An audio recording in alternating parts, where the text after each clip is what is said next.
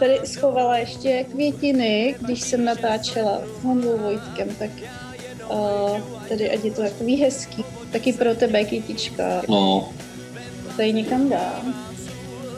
já mám, já nevím, jaký mám z- zátiší. Já jsou tam, v dálce tam jsou kytky. Takový jako popínavý nějaký. Tak je to taková symbolická květina pro tebe, že jsi přišel a um, sem na Zoom a účastníš se tady tohoto projektu. Tak Jsem já, rád. děkuju. já se tě rovnou začnu ptát, jo.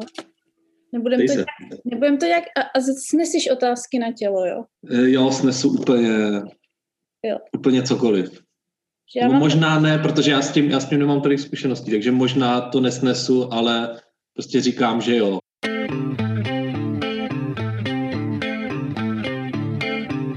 Jsem zvládla tě připojit, teda poslat ti vůbec ten link, tak ty si psal, že ti mezi tím přišla jako nějaká další pozvánka do nějakého podcastu. Když se stal gendermanem v minulém roce, zvedlo ti to o tvoji známost a účast a nabídky?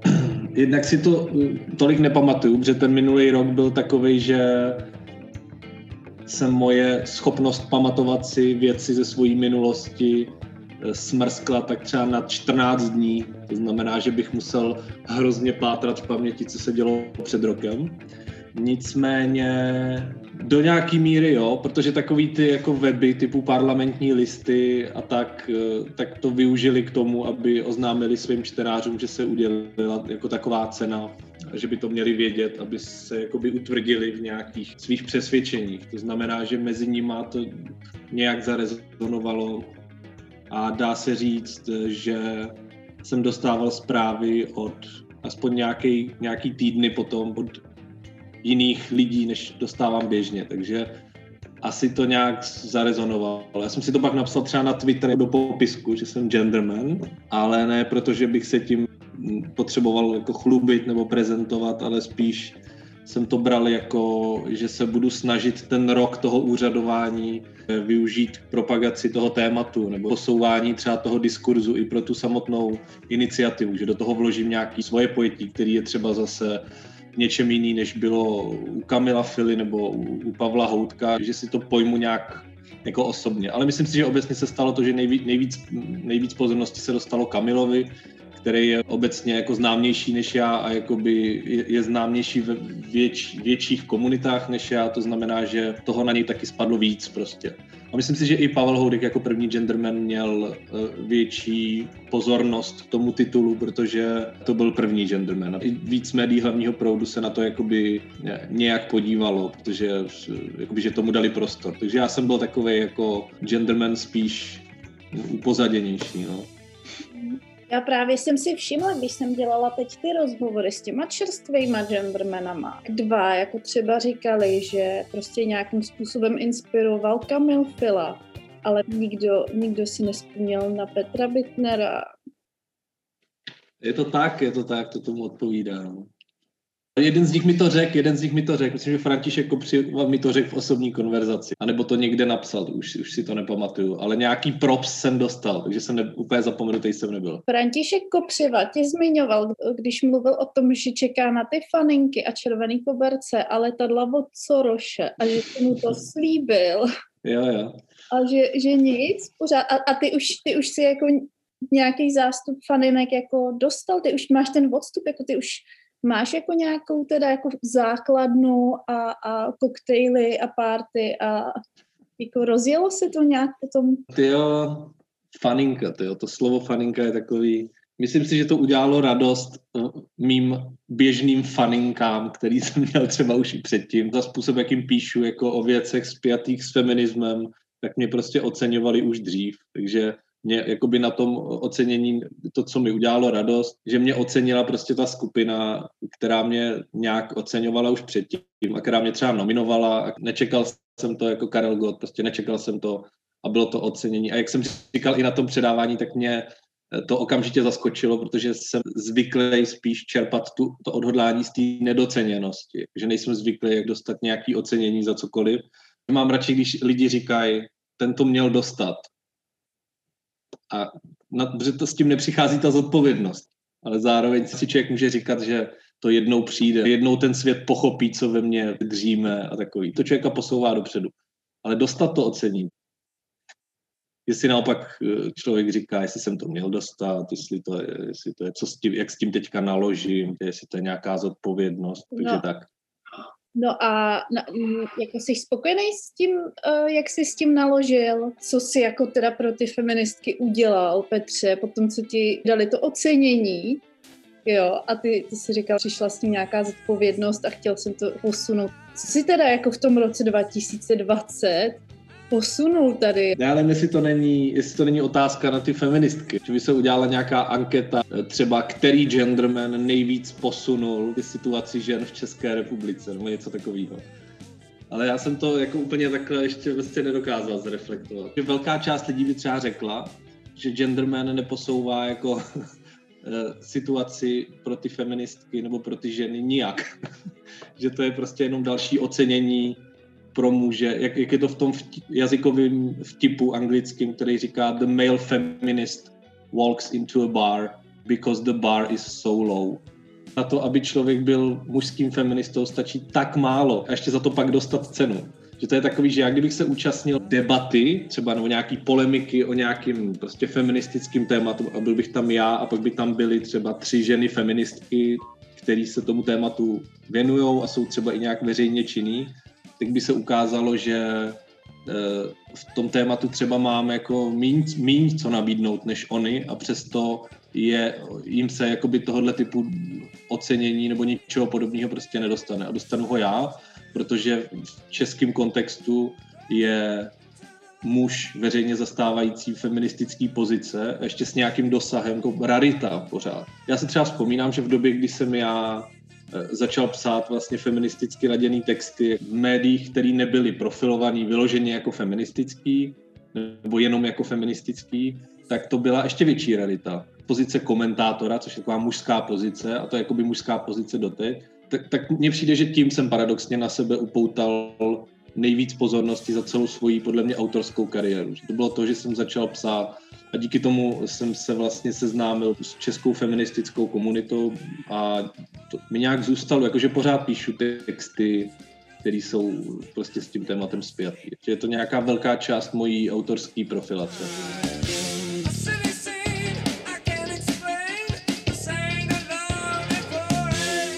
Řekl jsi, hmm a hele, tady ta laťka je tak nízko, že to je přesně jako to, kde můžu uspět a budu psát komentáře z feministického úhlu pohledu a budu vidět, anebo to mělo nějaký jako víc poetický úvod.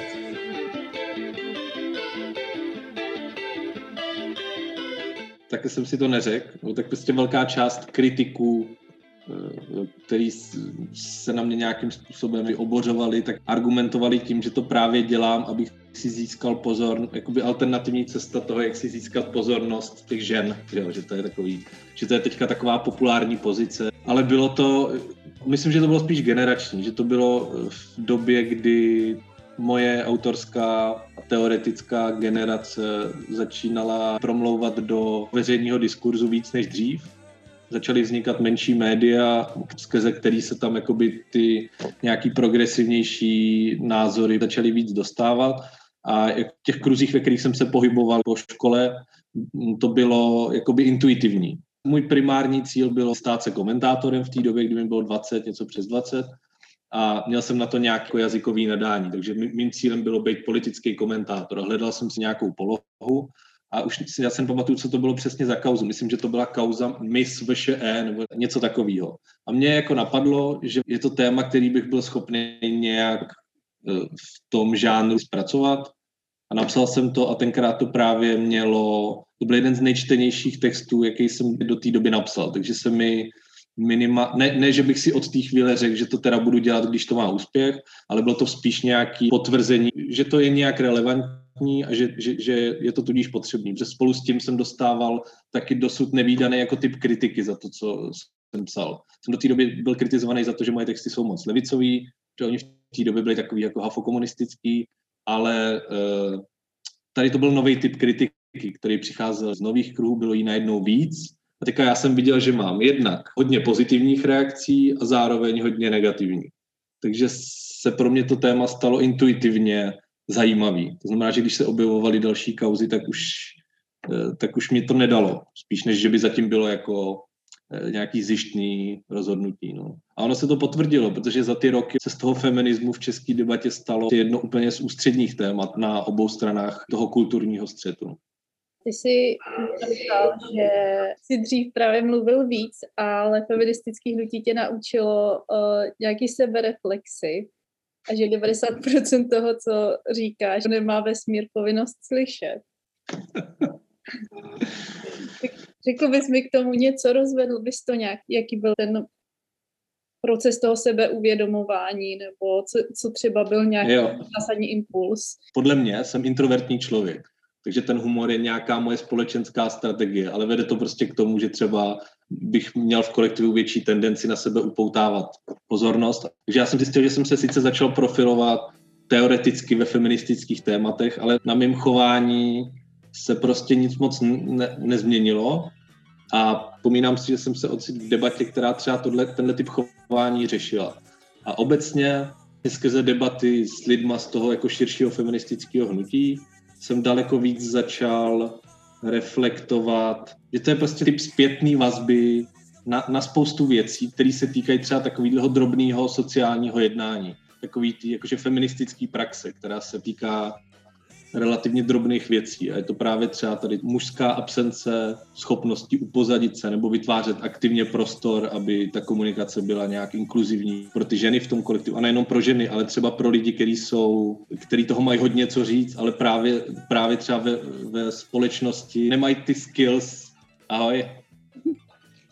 Chceš se na něco zeptat, Petra? Uh, ne, ne. Jo, tak si Promiň. Jo, tak je to nějaký prostě uh, nějaký feedback, který, který se začal týkat věcí, které mě dřív ani nenapadly. Že se člověk může chovat jinak i v takových v drobným sociálním jednání a může aktivně utvářet ten prostor tak, aby byl inkluzivní pro různý typy lidí. Něco takového. A to je, to je díky feministickému hnutí. Takovýhle feedback by mi nikdo jiný nedal. Ale ty jsi to jako uvědomil sám. Teď nikdo nemusel říct, hele Petře, ty tě moc mluvíš, buď chvilku sticha. Jednou mi to, myslím, že mi to i řekl někdo přes někoho. Jsem se to dozvěděl o sobě z druhé ruky eh, po nějakém setkání, jakoby ve víc lidech. To mě asi nejvíc jako tak jako zarazilo, že jsem se zamyslel, že jsem se šel projít a zamyslel jsem se nad tím, zkoušel jsem si to zrekapitulovat vedlo mě to k nějaký reflexi. No. Zranilo tě to nějakým způsobem, nebo byl jsi... Víš, že jo, víš, že jo. A byl jsem, eh, odmítal jsem, měl jsem takový ty, ty fáze, jakože mě to nejdřív naštvalo a můj mozek začal hnedka vytvářet eh, reakci, že to je, i kdyby to byl spor, ve kterém musím prostě vyhrát, ve kterém musím, kterým si připravím nějaký ultimátní argument, kterým to smetu ze stolu a takový.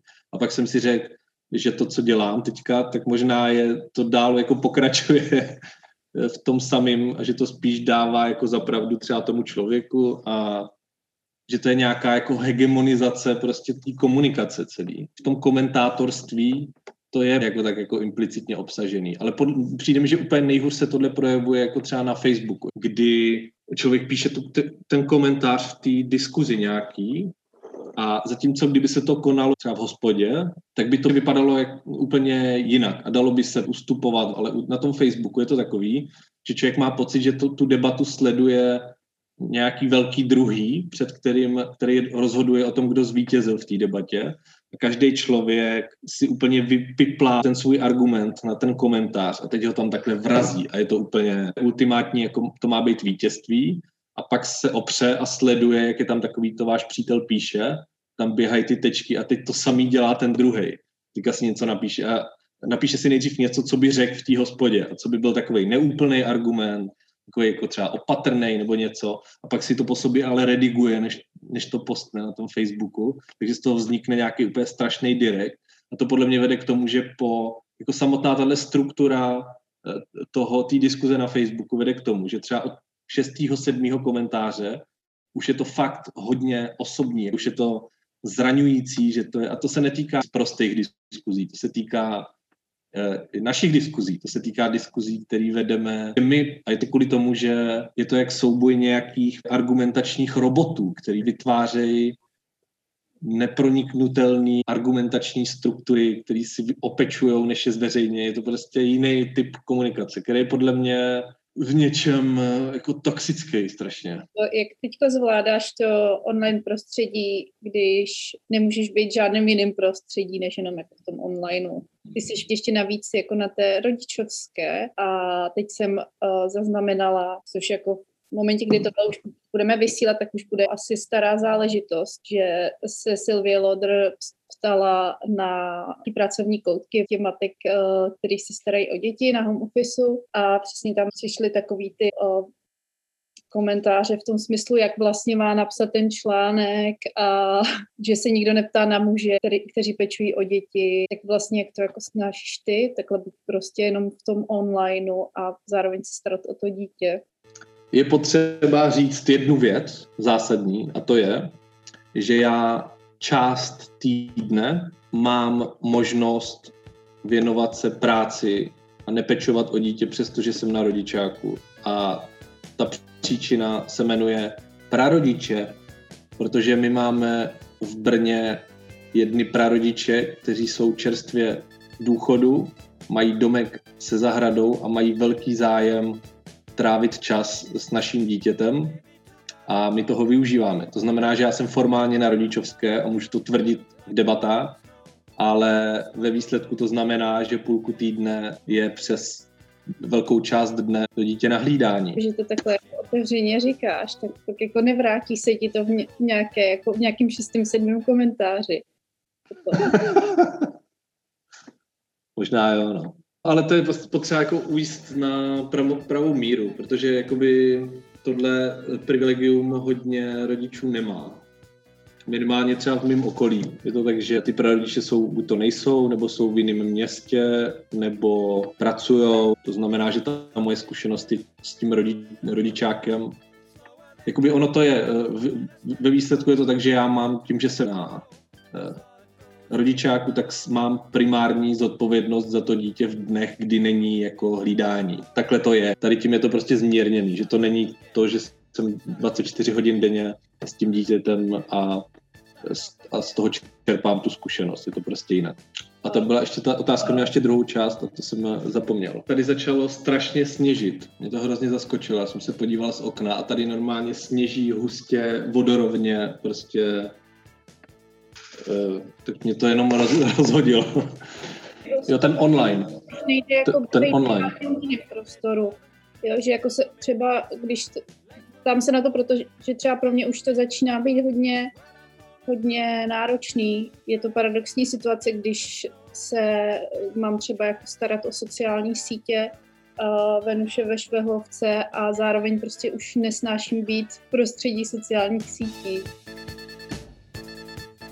No, já to mám uh, taky tak. Já jsem měl třeba, než začal covid, tak jsem měl už pocit, že, že těch sociálních sítí a toho online je jakoby moc a než jsem to mohl začít nějak řešit, to znamená třeba nějak jakoby redukovat prostě nebo překopat si ten model, což taky není jednoduchý, protože moje práce je s tím hodně spojená. Já se tomu úplně vyhnout nemůžu, ale minimálně třeba v tom eh, volném čase, který se týká právě jako kontaktu s přátelama a tak. Dřív, než jsem se stačil tomu nějak věnovat, tak přišel covid a vlastně celý tenhle jakoby volný čas eh, se smrsknul na ten online, na ty koly, to psaní na Messengeru, na ty diskuze a je to prostě vysilující. Jako hlavně mě bolí oči z toho monitoru.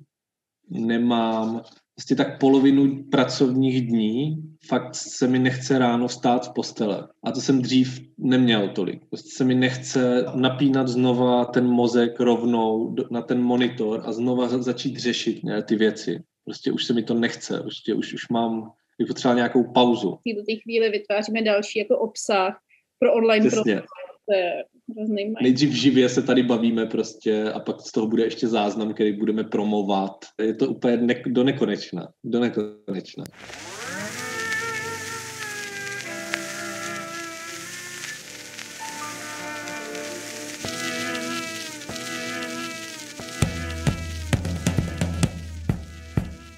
Když jsi dostal toho gentlemana, chtěl bys mít jako k tomu gendermanovi nějakou super schopnost. My jsme se s Kamilem shodli, že bychom chtěli jako oplodňovací ruku a potratovou ruku. Máš jako něco takového, třeba nevím, nějaký rentgenový zrak. Ovladač hlasitosti uh, ostatních diskutujících. Něco takového.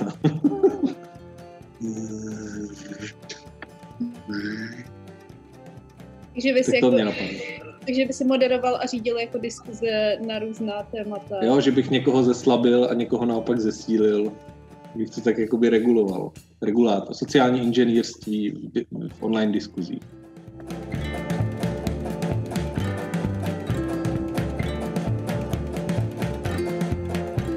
Chtěl jsi někdy kvůli feminismu nějaký jako defenzivní pozici, nejenom těch argumentačních bojích na Facebooku, ale i v nějakém osobním životě mezi kamarádama nebo tak. Musel jsem obhajovat, že jsi feminista. Obhajovat jsem si to musel určitě, ale ne, ne, nevnímal jsem to jako defenzivní pozici. Vlastně od začátku se ve feminismu cítím naopak dynamicky a, a osvobozeně. To znamená, že kdokoliv o, o tom chtěl se mnou polemizovat, eh, tak jsem to bral jako spíš pozitivně. Ty, ty moje přesvědčení jsou tak silný, že se necítím ohrožen z vnějšku čímkoliv v těch pozicích. Chtěl bych o nich debatovat úplně kdykoliv, s kýmkoliv. I s rodinnými příslušníky, i s velkými jmény, konzervativní kontrarevoluce na jejich kanály. Klidně a vě, věřím tomu, že bych dokázal se eh, o tom bavit se všema a uspůsobovat ten tón nebo ty pojmy, nebo prostě, prostě to nějak uspůsobit. Jiný typ přesvědčení, který třeba chovám, tak u těch to tak úplně není. Jiný politický přesvědčení, který mám, tak tam mám větší obavy v tomhle. Ale co se týče feminismu, tak mám pocit, že jsem s tím tak zžitej, že bych eh, nebral ten spor, který by se mnou chtěl třeba někdo vyvolat, nutně jako teoretickou bitvu, ale cítil bych se přirozeně v nějaký poloze, která chce opravdu navázat dialog s tím člověkem jako s člověkem. Takže bych mluvil o věcech, které se týkají nějakého běžného prožívání a do kterých ten feminismus promlouvá. Máš třeba nějakého oblíbe nebo vysněného oponenta? Třeba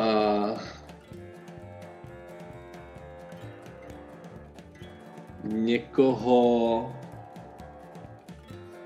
já bych si to dal s někým, kdo není úplně antifeminista, ale má, má, má, jako, má takový distanc od toho. Někoho z tohohle ranku. To by mě přišlo zajímavý. Vždycky přijde nejzajímavější. No a měl jsi uh, potom, co, co se stal gendermanem, měl jsi nějaký nabídky na nějaký duely a tak? Uh... Ani ne právě. Já jsem doufal, já jsem prostě marně aktualizoval uh, pozvánku od DVTV a to prostě nepřišla nikdy. No. A přitom já už jsem byl v DVTV, to není jako, že to nebylo úplně z vesmíru. Jsem se na to mentálně připravoval, jsem si říkal, že to určitě přijde, protože předtím to vždycky přišlo, že se tam toho gendermana nějak pozvali a teď se to prostě nestalo. No. No takže nemáš jako nějakou takovou ksivdu ještě v té koroně, že ti takhle ukradla spotlight a nikam ti nikdo nepozval? Je pravda, že bych to mohl svít, svít na koronu. To je vlastně docela dobrý nápad. Protože to, to zapadá do toho mýho oblíbeného, do té nedoceněnosti. Že něco, něco způsobilo, že se to nepodařilo a nebyl jsem to já. To je jakoby dobrá inspirace. Ale a, to korona. a doporučil by si feminismus svým známým? Jo, Jo. Já to i dělám, podle mě. A v čem třeba konkrétně to osvobodilo? To je těžká otázka, no. Osvobodilo mě to nejvíc v komunikaci. Mně přijde, že díky nějaký té sebereflexi, kterou jsem díky tomu prošel, tak mě to umožnilo líp hledat cesty k jiným typům lidí. Nepřemýšlím, jestli, jestli mě napadne něco konkrétního ale na první mě napadá ta komunikace, protože se o ní teď bavíme a pro mě je hrozně těžký přemýšlet do monitoru. To jsem třeba zjistil, že ty, když jsou ty třeba nějaký brainstormingové porady jako u monitoru, ještě se zapnutou kamerou, tak mě to nějak nejde. V sexu mě to možná osvobodilo. I was feeling done in. Jo, já myslím, že jo. Jo, a, a Přemýšlím, jestli to budu nějak, roz, jestli to budu nějak rozvíjet, ale jo, to, zro, to, to, to rozviň. Aha. I thought there's no use getting já jsem uh, stydlivý, nebo jakože jsem stydlivý člověk, že nemám úplně, jako, jako podle mě jsem vnitřně, někde hluboko uvnitř, jsem konzervativní.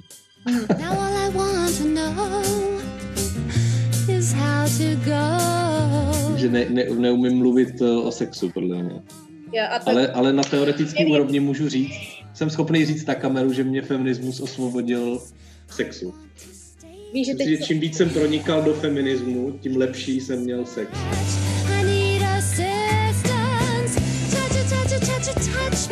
A reflektoval jsem svůj sex z dřívějška jako horší. Jako. že, že víš co teď... Horší pro všechny. Horší pro všechny, horší pro všechny zúčastněný, podle mě. Then if anything grows, Že teď jsou hodně jako populární ty webináře a tak, různí inspirátoři, třeba, že by bylo skvělé mít nějakou masterclass sex coache gendermana.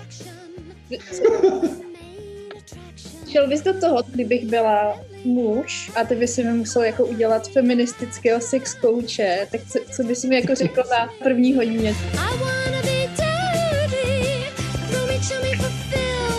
Já bych ti třeba řekl, eh, ať se zamyslíš za domácí úkol nad tím samotným ultimátním aktem toho sexu, té penetrace. A ať se zkusíš zamyslet, jestli náhodou ten způsob, jakým je zvykem to dělat, není kontingentní, jestli to není určený nějakýma historickýma okolnostma, zvykama a fantaziema, které se nějak předávají. Taková ta představa toho falu, který je průrazný a té zranitelné ženy, která jakoby přijímá. Jestli to náhodou nemůže v nějakém kontextu být obráceně, že eh, dominantní je ta vagína, která jakoby pohlcuje, že to, že to vlastně může být obráceně. A jestli náhodou to, jak to vnímáme my, není důsledkem patriarchátu. Jo. Skoro jako inzerát na. Tohle třeba, kdyby jsi napsal do na Tinder, tak jako si tě dám hned do meče. My už jsme se o tom bavili, o té komunikaci, nevím, jestli se k tomu má smysl vracet, eh, k tomu, že jestli se někdy nestává, že když, protože se ti to nestává, že bys byl vyzván vlastně k tomu, aby si hovořil o feminismu, protože už jsme se bavili o tom, že bylo ticho po pěšině v tom minulém roce. Možná se ti to stalo i třeba v některých jako jiných příležitostech, třeba když jsi měl mluvit o nějakých tématech spojených s feminismem, jestli si ty jako muž feminist reprezentoval pro někoho tu celou skupinu mužů feministů. To se stalo od chvíle, kdy jsem dostal tu cenu. Já už nevím, co to bylo třeba všechno za debaty nebo jako za, za příležitosti. Když jsem byl vyzván, nebo mi bylo dáno slovo eh, s tím úvodem, že jsem dostal tuhle cenu, tak jsem najednou to sám bral v potaz eh, u, u té odpovědi, že jsem měl pocit, že jakoby mluvím za tu instituci, nebo že to, co řeknu, může být braný, jakože to je momentálně teda ten konsenzus mužů feministů a že proto jsem dostal tu cenu, že to teďka jsem jako by mluvčí mužů feministů a, za, a jsem strážce celé té teorie nebo strážce těch aktuálních přesvědčení, což e, tak není ve skutečnosti, protože mám svoje nějaký pojetí, který, je, který se vyvíjí navíc, který není který je třeba teďka jiný, než bylo před rokem. To je další věc. Já mám v tomhle výhodu, že moje partnerka je feministka jak prase prostě. Je úplně z největších feministek, co znám. To znamená, že se můžu rozvíjet i na té teoretické bázi, že mám prostě tvůrčí prostředí, ve kterém můžu říkat, co mě třeba napadne momentálně o feminismu a ona mi to může, ono mě může vracet zpátky na zem a nějak mě v tom posouvat. Takže to, by, to bych možná měl říct, že to je důležité pro mě, jeden z nej, nejdůležitějších aspektů, že mám takovou partnerku. Byl by si, myslíš, nějak schopný popsat svůj feminismus, anebo tu proměnu v tom minulém roce? No já se pokouším ne formulovat, protože Já si nemyslím, že já bych měl něco formulovat pro český feministický hnutí, protože ono si to formuluje samo a, a dělají to ty ženy primárně. Já se chápu jako stoupenec toho hnutí, ale genderman není někdo, kdo by měl formulovat vize feministického hnutí, podle mě. Ta, ta cena označuje člověka, který jde v něčem příkladem ostatním mužům, jak se vztahovat k tomu feministickému hnutí. To znamená, že moje úvahy nad feminismem jsou pořád jenom uh, moje. Ale je prostě příznačný, že se málo týkají mojí pozice v tom hnutí a více týkají té teorie, což mi přijde takový jako mužský vlastně. A teď tím, že jsem filozof, nebo jako, že mám, že mě to vlastně celý, vůbec to, že jsem se dostal sem, že jsem autor, eh, že jsem takhle politicky vyprofilovaný, že se věnuju těmhle tématům, vychází podle mě z toho, že mě to baví. Že mě to zajímá, že jsem to studoval a že to jsou prostě věci, co mě baví. Ale je zajímavý, že když se vztahuje žena k feministickému hnutí, tak se víc vztahuje skrze svoji pozici, protože to je podstata toho hnutí, že se týká ty ženy přímo, že se jí týká přímo, že se týká jejich reprodukčních práv. To je prostě realita. To nejsou jako akademické debaty. Tady žijeme v době, kdy žena ve vztahu k, ke společnosti a k feministickému hnutí dává v šanc svoje tělo, což je prostě úplně nepředstavitelný. A je to úplně třeba nepředstavitelný já nevím, čemu to přirovnat. Je to, je to jak kdyby byla povinná, je to jako povinná vojna u mužů. Je to prostě něco, kdy, kdy si společnost jako celek dělá nárok na tvoje tělo, který bere, někam ho přemístuje a říká mu, co tam má dělat. To znamená, že vnímám víc třeba tenhle distanc muže od feministického hnutí, který neobsahuje tady tu rovinu, která mě prostě fascinuje. A, a je zdrojem, jedním z hlavních zdrojů mýho obdivu feministickému hnutí. A to je, že tam ty ženy nasazují ty těla, protože ty jsou ve hře.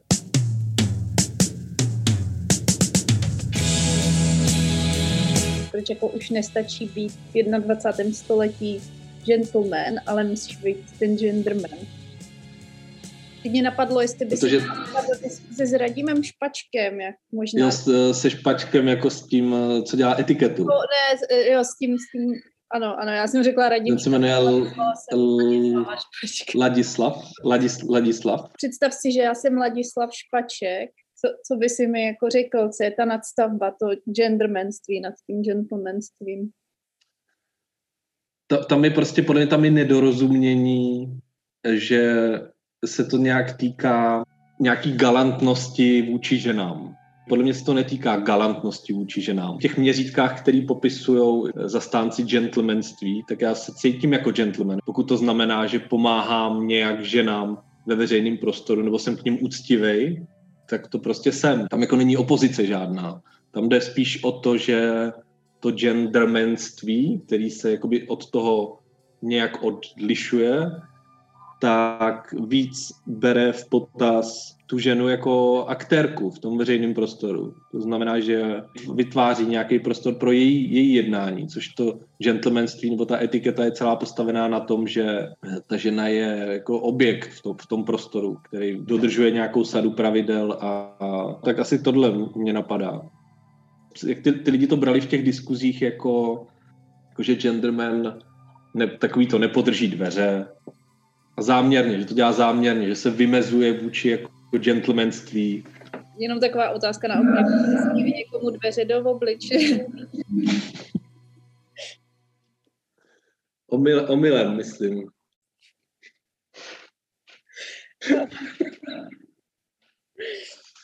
uh, Měl jsi někdy takový aha moment, kdy jsi se uvědomil zásadní nespravedlnost, která není jenom ta věc samotná, ale má hluboký kořen do minulosti a, a ty jsi uvědomil prostě něco jako fakt hroznýho, co se pojí s ženskýma právama, nějakou jako zásadní nespravedlnost?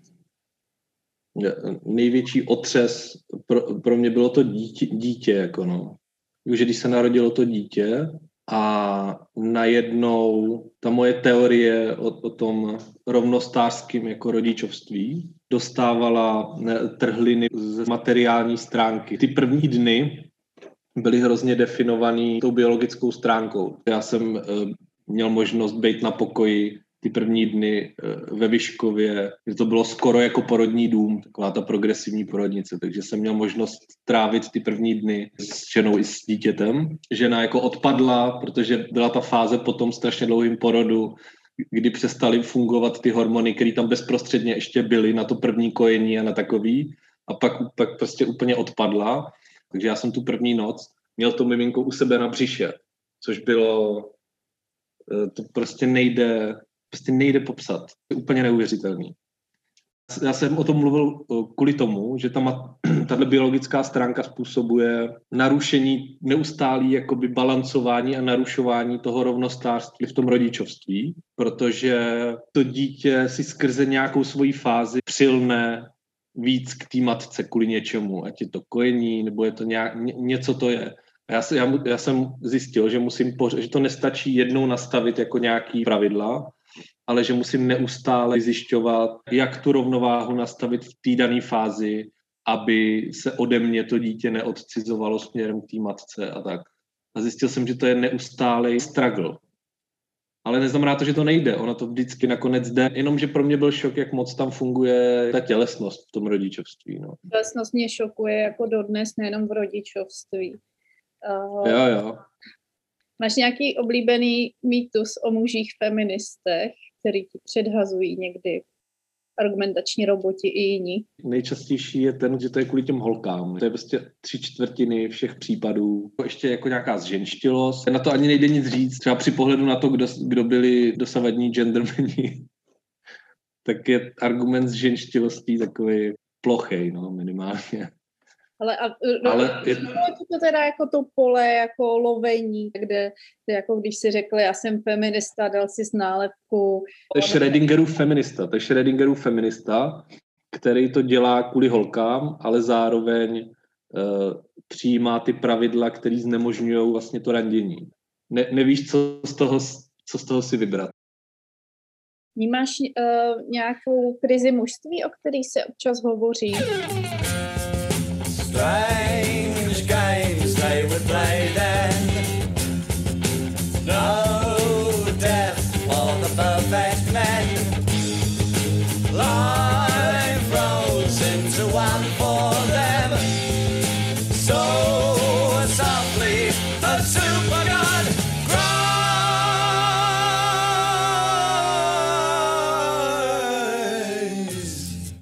Nej, nejbrutálnější jako průvodní jevy jsou incelský masový střelby v Americe. Mužský kruhy jsou projev krize mužství. Já jsem to jednou v nějaký svojí esej zkoušel srovnat, že to je podobný recept jako taková ta ženská ezoterika, protože krize ženství, to je v patriarchátu konstantní stav. Konstantně žena prochází krizí, protože se musí uspůsobovat tomu mužskému pohledu nějak. To znamená, že se furt mění, vyvíjí a ty muži to valili hrozně dlouho bez nějakých dramatických změn. A teďka mně přijde, že poprvé v té moderní éře už nejsou jenom ženský kruhy, ale už jsou mužský kruhy. To je, pro, je projevem nějakého typu krize té mužské identity. A to incelství je toho specifická odnož.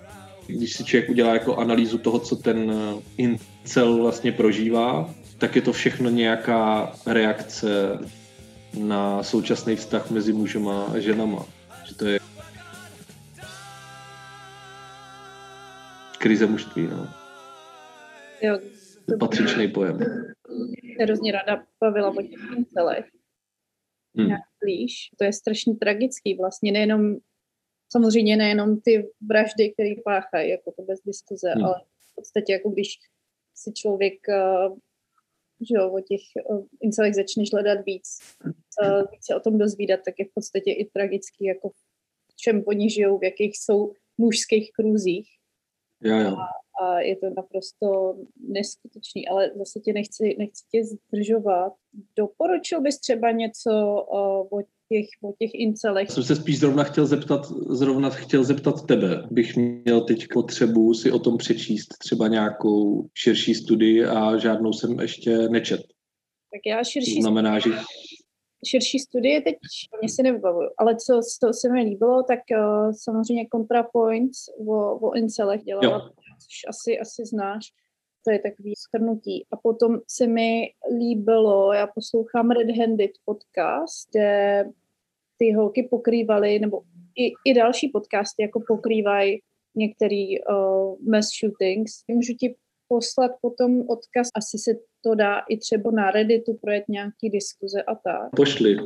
Jo, pro mě je to strašně náročný se vůbec s tím nějak konfrontovat. A, To jo, no. když už se bavíme o těch, o těch incelech, já jsem se ptala i Honzy Vojtka na Super Straight, o tom říkal, že to moc nesledoval, ale to, co, co o tom ví, tak vyloženě, jako, že to je nebezpečné a že by se o tom mělo mluvit. Tak jestli by si třeba nějakým způsobem chtěl něco říct k Super Straight hnutí. Já úplně přesně nevím, co to je. Jako já jsem slyšel ten pojem, ale nevím, ne, neznám ho, ne, nevyznám se v tom. Tak to nebudem, nebudem řešit, to já nějak střihnu. Mně je to strašný bullshit. Já si pod tím dokážu něco představit, jako jenom pod tím slovem. Nicméně uh, se hodně jako mluví taky o toxické maskulinitě a spousta lidí to vnímá nějakým způsobem jako útok na muže jako takový. Byl by si mi schopný nějakým způsobem popsat velice jednoduše, co ta toxická maskulinita je, jestli se třeba v takovém prostředí pohyboval, takže by si mi mohl dát i nějak příklad ze života, co to vlastně pro muže znamená, protože to souvisí i těma incelama, který, o kterých jsme se bavili tak i to je toxický prostředí, ale jako extrémně. Samozřejmě jsou i nějaké mírnější uh, projevy, že jo. Toxická maskulinita bylo třeba, když má člověk touhu kamarádit se s někým ve škole, kdo je takovej ten jako alfa samec té třídy a má vliv na chování všech ostatních lidí v té třídě. To je hrozně častý fenomén. Jak kdyby s ním měl každý nějak počítat s jeho perspektivou a uspůsobovat svoje chování vůči ní. A to, jsou, to, je, to je prostě nízký věk relativně. Pak jsem se setkával s toxickou maskulinitou ve sportu, takže jsem trávil čas v kabině s 20 nahejma, deklarovaně heterosexuálníma mužema, což je zvláštní prostředí. Jako. Mužský kolektivní sport typu hokej není sám o sobě nutně toxic, toxicky maskulinní, jako může být nějak agresivní, ale jakoby ne, nesouvisí to s toxickou maskulinitou ale ona se tam může projevovat v tom samotném sportu. Některý lidi mají pocit, že to je nějak synonymní, že, že to, co my označujeme za toxickou maskulinitu, tak je to klasický muž, ta nějaká prostě mužnost spojená s nějakou výbušností, agresí, takovýma věcma, ale ve skutečnosti se toxická maskulinita ve sportu projevuje vlastně ke škodě. Se projevuje tím, že ten hráč třeba oplácí a je vylučovaný a ten tým tím trpí, že to je negativní i v těch mužských kolektivech, kdyby se to vzalo do důsledku, že to není, že to je objektivně negativní věc, že to není věc, která je typická pro a přijatelná v mužském prostředí. No. A jak jsi s tím vyrovnával s tím kolektivu? Přetvařoval ses nebo si jel s tím? Jaký to na tebe mělo vliv, být v té šatně uh, a být uh, co nejmužnější? Já jsem byl mladší než ostatní. Když jsem tam, ještě když jsem tam hrál, tak mi bylo 19, 20 a jim bylo 30 a víc, že tam byla prostě nějaká mezera, takže u nás tam bylo několik mladších, takže jsme byli terčem nějakých takových rituálů, jakože jsme ty mladí, kteří jsou zasvěcovaní, takže jsme byli na nějaký uh, striptýzu, to bylo, když mi bylo třeba 18, tak jsem byl prostě s týmem na striptýzu prostě někde. Takže to, tohle se dělo třeba. Tohle jsem si já všechno prožil. Mě hrozně mrzí.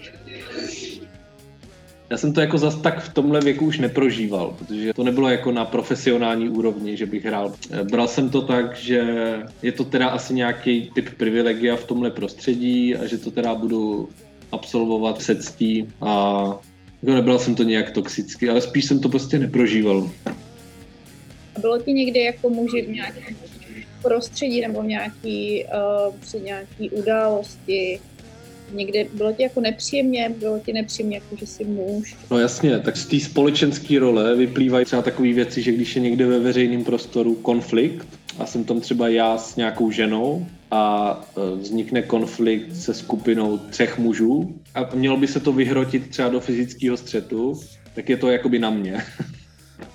že to i ten člověk vidí, že i když v tom konfliktu je třeba ta žena, tak málo kdy z toho, co jsem já zažil, tak on to tím neříkám, že se to neděje, ale málo kdy se ty agresoři zaměřejí na tu ženu, protože když přijde k tomu fyzickému konfliktu, tak to míří spíš na ten doprovod jako mužský. A v takových situacích jsem byl. To není příjemný, no. Jako tam by asi nebylo příjemně nikomu ve společnosti nějakých No jasně. agresorů, že že to není jako typická situace třeba. Rozumím. Že jestli Mě třeba, přestávají napadat věci. no, tak to je v pohodě, tak jdeme od toho. To je dobře, že se jako muž cítíš dobře, že Já mám třeba pocit, že většinu času se necítím jako muž. Že se cítím jako muž jenom právě v takovýchhle vyhrocených situacích. Když jsem v porodnici, tak se cítím jako muž, protože to je ta situace, kdy jsem muž. Když jsem v tom konfliktu, tak jsem muž, protože na mě míří fyzická agrese. Ale jakoby v tom běžném životě ne, ne, nemám vůbec nenapadá, v čem, se, v čem jsem muž, nebo jako v čem je to, že, že, skr, že v tom nečerpám eh, tu identitu. nebo E- Ještě jednou? jestli to třeba u tebe vyplývá právě z toho feminismu. No určitě, určitě. Určitě to s tím souvisí. A teďka, když bude tuhle pasáž poslouchat někdo z opačného tábora, tak, si- tak si tím může potvrdit takovou tu teorii, že prostě zmizejí ty muži. Prostě není to, moje ident, není to moje identita. Já to jako chápu, že mě společnost bere jako muže a já s tím jako nemám problém, ale to, co je pro mě eh, v- mém jednání nebo v mých nějakých přesvědčeních důležitý, tak to není, nic z toho není prostě spojeného s mužstvím.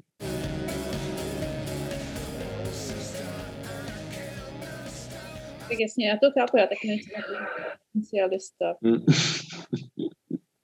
Setkal jsi s někdy s nějakou diskriminací, ať už třeba ty osobně, nebo že z toho byl svědek, třeba s nějakou formou sexismu? Myslíš sexismus vůči uh, ženám nebo vůči mně?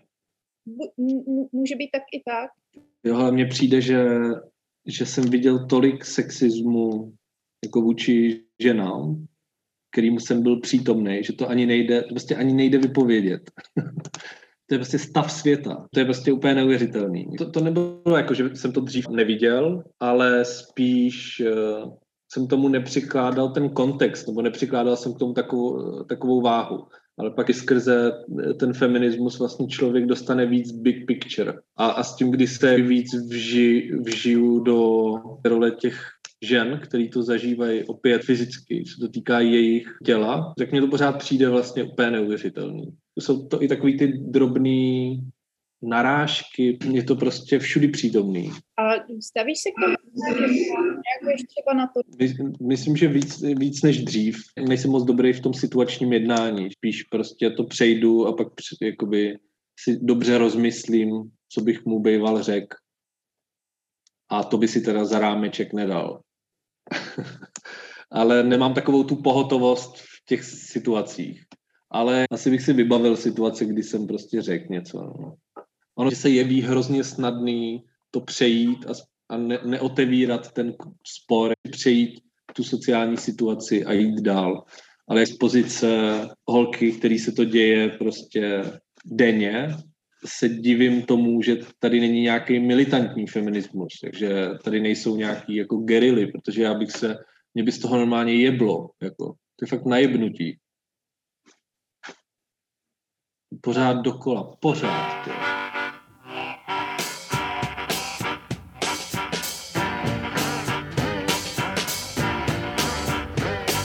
Myslel si ti jako někdy, že ty by si jako třeba byl uh, nepříjemný. Kdybych byl sexistický. Mm, jo, jo, myslím, že jo. Třeba takový jako nevhodná narážka nebo něco takového. A jak to mám furt hozený v takovém jako polovtipu, tak člověk pak podlehne dojmu, že může říkat kdykoliv cokoliv. Mám rád nekorektní vtipy a, a je to takový, že v tom prostředí, v tom woke prostředí mám víc pocit, že můžu říct vlastně opět cokoliv, protože mě přeci každý zná a každý ví, že to prostě třeba myslím jako vtip. Stalo se, že se to nepovedlo, to bylo nějak přes čáru.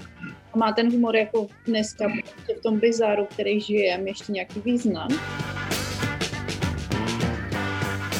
Obecně humoru jako politicky věřím, že jsem pořád na jeho straně, že když se u, u, využije jako správně, tak má nějaký jako osvobozující politický potenciál. Nicméně je to dobr, dobrý sluha, ale zlý pán. Ve, ve smyslu, že ten humor je teďka braný spíš jako, že ho zachraňují lidi eh, před tou cancel culture. Je teďka v těch sporech spíš eh, braný jako nějaká svobodná bašta nekorektnosti, kterou je třeba uchránit před útokem eh, feministek a korektorů. To znamená, že, že to není automaticky osvobozující platforma, ale já, já jí chci, já se o ní chci utkat, utkat ještě. Já chci, aby byl humor na straně dobrá a nějak tomu ještě furt věřím. A ty, ty děláš jako hodně? Uh, léčíš si tím třeba nějaký trauma? Jo, nevím jestli trauma, ale léčím už hrozně v dětství jsem to objevil, protože to dítě vždycky hledá nějakou, nějakou identitu, nějakou polohu, ve který komunikuje, ve který se najde v té komunitě nebo jako v tom kolektivu, aby mu tam bylo dobře, aby se tam cítil aspoň trochu sebevědomně, aby se tam mohl nějak rozvíjet. Já jsem podle mě už v dětství našel tu polohu eh, v tom humoru. Já jsem bych nepoužíval slovo trauma, ale určitě je to jako je to adaptační strategie na pobyt v kolektivu, podle mě. Rozvinutá prostě do extrému jako dospělého člověka.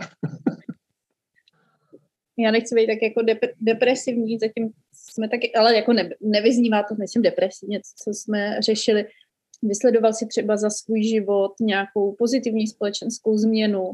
Mně se to zatím eh, těžko extrahuje z té mojí životní zkušenosti, protože má, já jsem se narodil v roce 88, takže jsem rostl v devadesátkách a dospíval jsem v nultých letech. Pro mě je, je ta změna toho světa za tu dobu je pořád ještě hodně spojená uh, se změnou mě jako takového. To znamená, že je pro mě těžký prodělat takovou úvahu, protože je to strašně spjatý s tím, jak se vyvíjí můj život že on se ten vývoj třeba zpomalí teďka po té třicítce a ustálí se nějak právě třeba kvůli té rodině a tak. Takže si myslím, že takovouhle úvahu budu schopný prodělat za nějakých pět, deset let. Ze, ze současné perspektivy mně pořád přijde, že ta země se ve spoustě věcí vyvíjí k lepšímu, jako společensky. Ale myslím si, že Češi mají v sobě ten národní mýtus způsobuje alibismus já jsem nad tím dneska, dneska jsem nad tím zrovna přemýšlel. A je to, pro mě to vychází třeba z, Jan, z Jana Tesaře. Jakoby z Mnich, Mnichovský komplex, takový to o nás bez nás, potom takový na zdraví. Eh, že Češi jsou alibisti. A když přijde krize, jako je ten covid, tak ten alibismus eh, se stává úplně fatálním. Takže mě jakoby serou Češi ale mimochodem, mimochodem je to důkaz vlastenectví. Je to jediný důkaz vlastenectví. A já nevím, kdo to řekl. On to říkal, Tesař to říkal taky, ale ještě to říkala nějaká teoretička britská. Tyjo, kdo to, to asi nevzpomenu. Ale je to, že největším důkazem vlastenectví je, že seš nasraná na svoji zemi. Když to dekonstruuješ, tak je to absurdní, abys byla ty nasraná jako na nějaký konstrukt typu národ, nebo stát, ale, ale to, že seš, což já třeba jsem, tak je projev toho, že se cítíš jako součást toho tělesa a že prožíváš nějaký jeho historický osud. Jsem vlastenec, protože mě serou Češi. A co vnímáš jako svůj úkol tady mezi eh, Čechy, který tě serou uh, tady a teď? Máš nějaký jako téma, který si bereš na zodpovědnost nebo uh, mm. tvoje tvoje poslání jako tady? Ale ty, třeba pár let zpátky bych určitě nějaký téma řekl. A teďka mám zrovna období eh, takový jako relativizace. Teďka čtu knížky o kvantové gravitaci a eh, vede mě to k nějaký, že jsem opatrnější v těch výrocích, mi přijde. Jednak oslabuju ve svých očích svoji pozici v podstatě v čemkoliv, to znamená, že jsem daleko opatrnější, než do něčeho promluvím vážně. Asi by to byla nějaká politika, jsem nějak prostě spjatý a ne, nemyslím nutně jako stranickou politiku, ale cítím se za ty roky, za těch prostě třeba deset let, co se tomu věnuju, tak se cítím aspoň částečně povolaný k promlouvání do politických v širokým slova smyslu věcí v téhle zemi a nezmění se to. Je to prostě pro mě hlavní téma.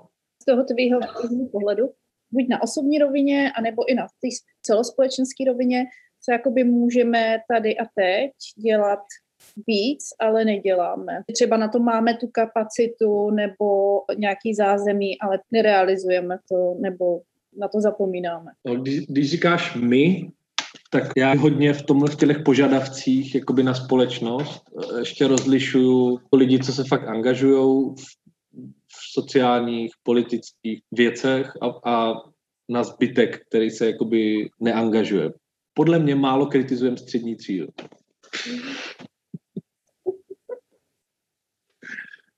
Hele, a, a nějaká vážná odpověď? O, být vhodný na zvířata, nebo já, já nevím, Jo, hele, úplně vážná, podle mě, jako vážně. No. Podle mě se málo staráme o starý lidi. Zdrcující. A o, no, jako jo, no. Třeba po tom covidu se budou nadnášet tyhle témata, protože ta, to je dlouhotrvající, specifická, paradigmatická krize, která vystavila tu společnost uzav, v těch uzavřených hranicích na, na světlo. Že se ukázalo, kdo půjde přes palubu, že se ukázalo, kdo v žádném případě nepůjde přes palubu. A to byly věci, které byly hrozně před tou krizí jako takový ututlaný. Část lidí o tom psala nebo na to upozorňovala. Já si myslím, že jsem třeba o tom taky psal, jako když to vztáhnu na sebe. Ale ten celkový společenský obraz, kterýmu jsme se třeba i my jako autoři a autorky přizpůsobovali, tak byl prostě takový, že to, že to byla taková pěna dní, že to bylo takový jako jasně je potřeba prostě se starat o ty chudý, jasně máme tady nějaký lidi na ulici, to je potřeba nějak jako řešit, pak tady jsou teda ty starý lidi a takový, ale furt to bylo takový, jak kdyby to vypadalo, že se na tom pracuje, jakože my se tomu věnujeme, tomu tématu, to je pro nás samozřejmě velmi důležité. A teď, když přišla ta krize, tak najednou to už není pěnadní. To je tak, že lidi budou umírat v těch domových důchodců, ty lidi nebudou mít co jíst na ulici a najednou vidět, že pro ten stát to je prostě druhořadý. Pro ten stát je prvořada střední třída a velký průmysl a jeho provoz. To je to, co definuje český stát. Takže ty otázky, které teď kladeš, ty si myslím, že budou na, na pořadu dne, až se to, ne, že se to vrátí do normálu, až prostě skončí ta bezprostřední krize a bude se to s odstupem nějak vyhodnocovat. Takže já myslím, že by uh, Vít Klusák měl udělat uh, v síti, ale to je Mhm. hmm. seminárama. By mohlo být zajímavé. Já jsem se na to zrovna včera díval na v síti poprvé. Brečel jsem, dokonce jsem se rozbrečel toho v jednu chvíli. Jo, jo, jo, jak mi to zasáhlo. Jo, je to třeba, já jsem si vůbec nepřišla jako cílovka. Já jsem byla víceméně jako velice znuděna dokumentem, Jo, ale rozumím tomu společenskému významu. Ale co mě překvapilo, ta rychlost nebo ten způsob, jakým se to zrychlilo po ty čety za těch mých let na lidé.cz a tak, tak tomu jako lehtivýmu obsahu, tak předcházelo to, že třeba s tím člověkem se jako týden bavil o normálních věcech a vlastně jste jako byli fakt jako takový ty kamarádi internetoví a pak teprve jako došlo na nějaký ty témata a teď vlastně mě překvapila ta rychlost, se kterou jako jde videočet a je jim to úplně jedno, jak vypadají a jak se neskrývají prostě za tou obrazovku. Ale no to bylo prostě šokující pro mě. Já jsem věděl, věděl, že to tak je, já jsem jako věděl, že to tak je, ale neprodělal jsem takovou tu katarzi, že si to naplno uvědomím. A to třeba ve mně ten dokument vzbudil že jsem si to naplno uvědomil, že se to děje. Přišlo mi, že to velmi subtilně pracovalo s osobnostma těch holek.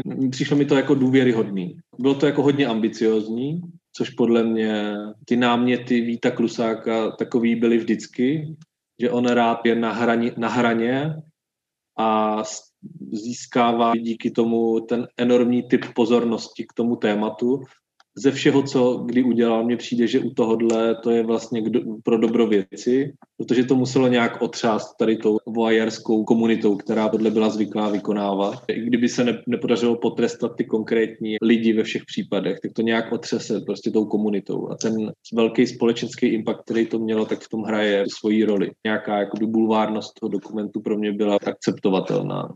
I to, že to bylo na hraně a v některých případech za hranou. No, tak jsem, mám teďka z toho ten zážitek, že mě to, jsem to včera viděl. Tak to je hezký, že tě to tak vzalo. Že jako ještě tvoje jako cynické, okoralé srdce dokáže něco... Jako... Přesně, dokáže být, být probuzeno prostě k takovým silným emocím. To je dobrý, to je dobrý. Já jsem tě ještě chtěla zeptat, my se známe hrozně málo v podstatě, nebo známe se prostě Hmm. internet a vím o tobě, že jsi vtipný a uh, angažovaný, nebo jsi angažovaný? Označil bys se jako za angažovaný? Jo. Dřív jsem byl víc, dřív jsem byl víc. Teďka jsem se trošku upozadil do to pohodlnější pozice, jako observační víc, což je trošku, al- trochu alibistický, protože asi to byl typ únavy, že jsem se jako upozadil v některých konfliktech, ve kterých se cítím být zaangažovaný, ale víc se od nich distancuju, od, od těch konkrétních. Protože plně jsem na to ztratil nějaký typ času nebo vnitřní síly po nějaký době. No nicméně já nejsem ani schopná říct, jak to teď máš, takhle to si musel říct sám za sebe, takže my se takhle jako dobře neznáme, abych tě mohla uh, výborně odhadnout a dávat to dobré otázky. A mně přijde, jak kdybychom se znali věčnost. to nemůžu říct třeba uh, tehdy před těmi pěti lety, jak jsi mi říkal, Jasně. a jak to máš dnes, protože jsme spolu probírali nějaký strašně zajímavý téma a teď by mě zajímalo, o kolik zajímavější je tvá myšlenka. Uh, takže určitě se sebou, kromě imaginárních bitev, nejenom na internetu nebo po nějakých konfrontacích v reálu, určitě ze sebou sám vedeš i nějaké dialogy, třeba při čištění zubů a tak. Ptáš se sám sebe na nějakou otázku, na kterou se tě jako nikdo jiný neptá a na kterou bys chtěl třeba hrozně odpovědět, tak uh, Ty jo, to je dobrá otázka. jak si teď můžeš představit, že jsem ti ji položila a mohl bys odpovědět na to, na co se tě nikdo neptá, ale hrozně bys rád chtěl být chytrej, nebo... Uh... Jo, jo, úplně vím, co, úplně vím, co myslíš. Uh, ty jo. Hrozně rád při, teďka přines něco zajímavého. Nevím, jestli to dokážu. Aby si jako předvedl svůj intelekt, nějaké jako takové uh, myšlenkové cvičení třeba. Jako... Tak já se, sko- já se skočím vyčůrat a rozmyslím si to. Můžu to udělat takhle? Určitě. Tak já se skočím pro kafe a, a sejdeme se tady a určitě na něco přijdeš. Jako třeba okay. jako o kvantový gravitaci, tak třeba bys chtěla, abych se tě zeptala na tohle. Jako jo? Nebo tak. OK, tak já se jdu, já se jdu zamyslet. Jo, jo. Přijdu za dvě minuty třeba.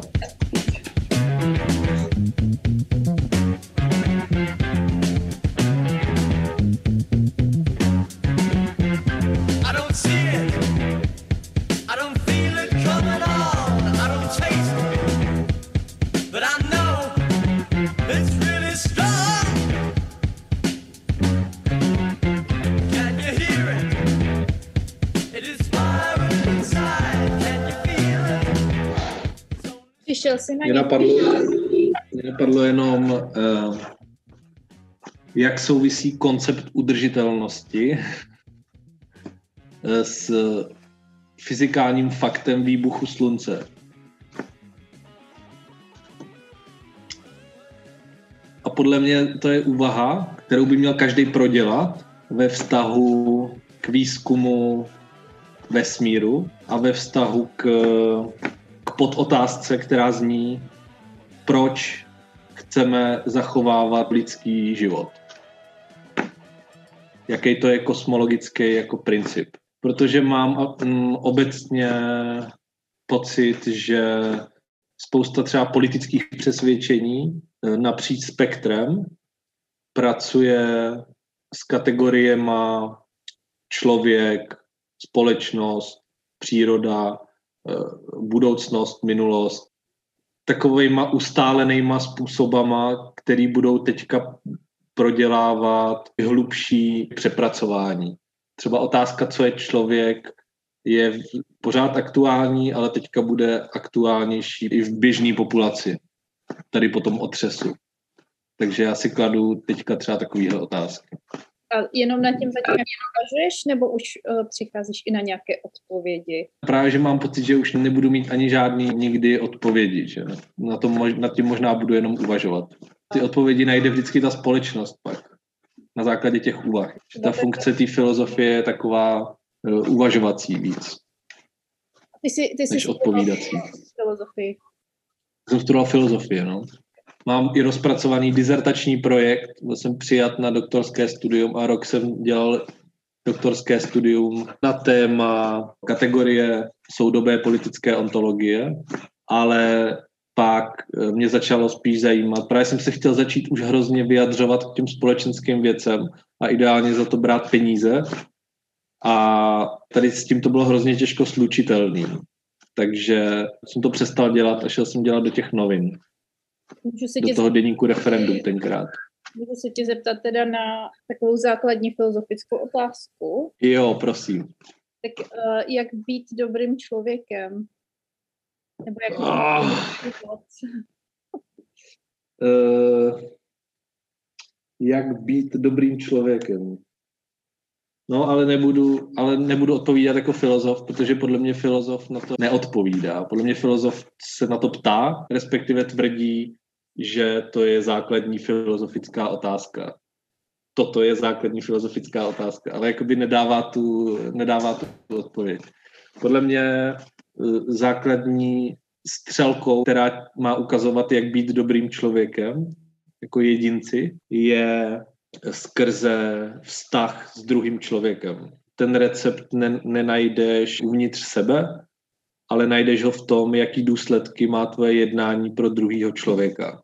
Což je vlastně ve vztahu k dnešní jakoby převládající ideologii a v liberálním pojetí subjektu je to trošku kacířský, protože tě obrací tvoji pozornost směrem dovnitř. Všechen ten New Age, všechny ty kruhy tě nutěj jako k introspekci, tě nutěj jakoby ke zkoumání toho, jak tvoje jednání působí na tebe. Jestli náhodou špatně nedýcháš, jestli ná- náhodou nepotřebuješ vykoučovat, protože ti není dobře se sebou. Ale podle mě to není jako re- recept k tomu být dobrým člověkem, že ten recept se schovává v tom, jaký důsledky má tvoje jednání pro druhýho. Ale tak ono to není jako jedno s druhým v rozporu, ne? Zároveň- Nemusí. Kteří Ne, třeba filozofové přinášeli návody. jo, eh, to já právě jsem nikdy neměl moc rád. Zásadní body, jako co, co máš dělat, nebo o co se můžeš pokoušet. Já jsem doufala tajně, že mi řekne, že ta odpověď je feminismus. A Jo, takhle. Tak to samozřejmě, to samozřejmě. Ale já ty odpovědi právě jsem nikdy neměl rád. To byly takový předchůdci coachingu. Takový ty sofisti a tak. LAT, to bylo každý den musíš prostě, a teďka, jako to byl prostě úplně, to byl ten coaching.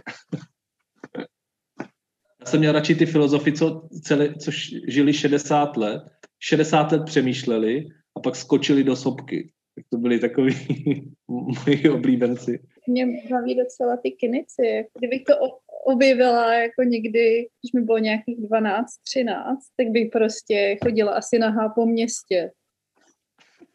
Špinavá a spala někde jako v sudu.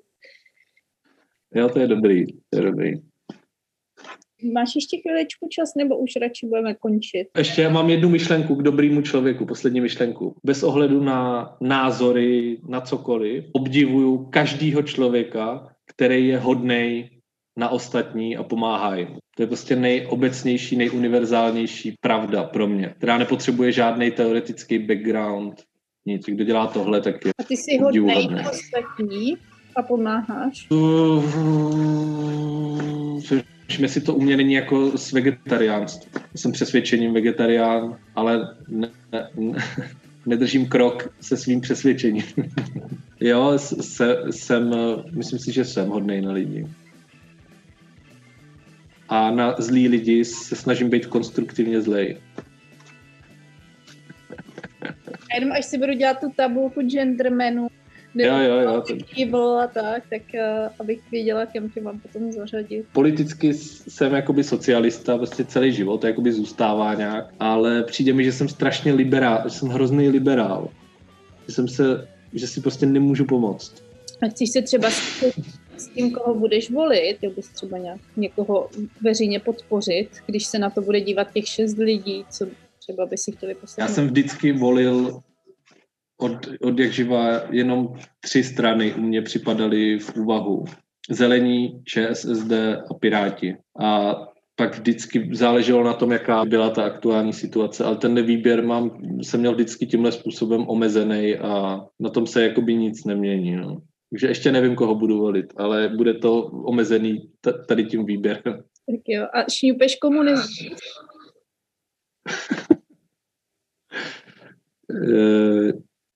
Jo, A dáš mi taky. Přijeď někdy do Prahy a zašňupem si komunismus. Okay. Tak já ti hrozně moc děkuju. Úplně poslední věc, jsem zapomněla, že my jsme ti nabídli ten uh, šorošovský, ten uh, prostě nechutný honorář. Uh, Petro Šekely. uh, závratná částka samozřejmě. Uh, a ty si říkal, že bys to rád někam věnoval, tak uh, jestli už jsi se rozmyslel, kam to věnuješ a proč. Nerozmyslel jsem se, že to rozmyslíme spolu, že to bude jako náš společný akt. Jak to můžeme teďka vymyslet? Třeba na polské ženy, Jo, jo, jo. OK, to se hodí k tomu tématu. Já jsem poslední, co to bylo, buď to honorář, nebo už nevím, co to bylo, jsem daroval na Elpidu, což je takový to seniorský centrum, protože oni teďka eh, mají prostředky na to, aby rozšiřovali kapacity na těch krizových linkách pro seniory, protože to tam vždycky dělali brigádníci v tom běžném provozu a teďka je to takový, že tam volá prostě strašně hodně lidí a tak eh, eh, oni tím získávají prostředky, že můžou aspoň částečně zaplatit nějaký profesionální psychologii. Tak těm to můžeme taky věnovat. Protože o seniorech jsme se taky bavili, jako o starých lidech.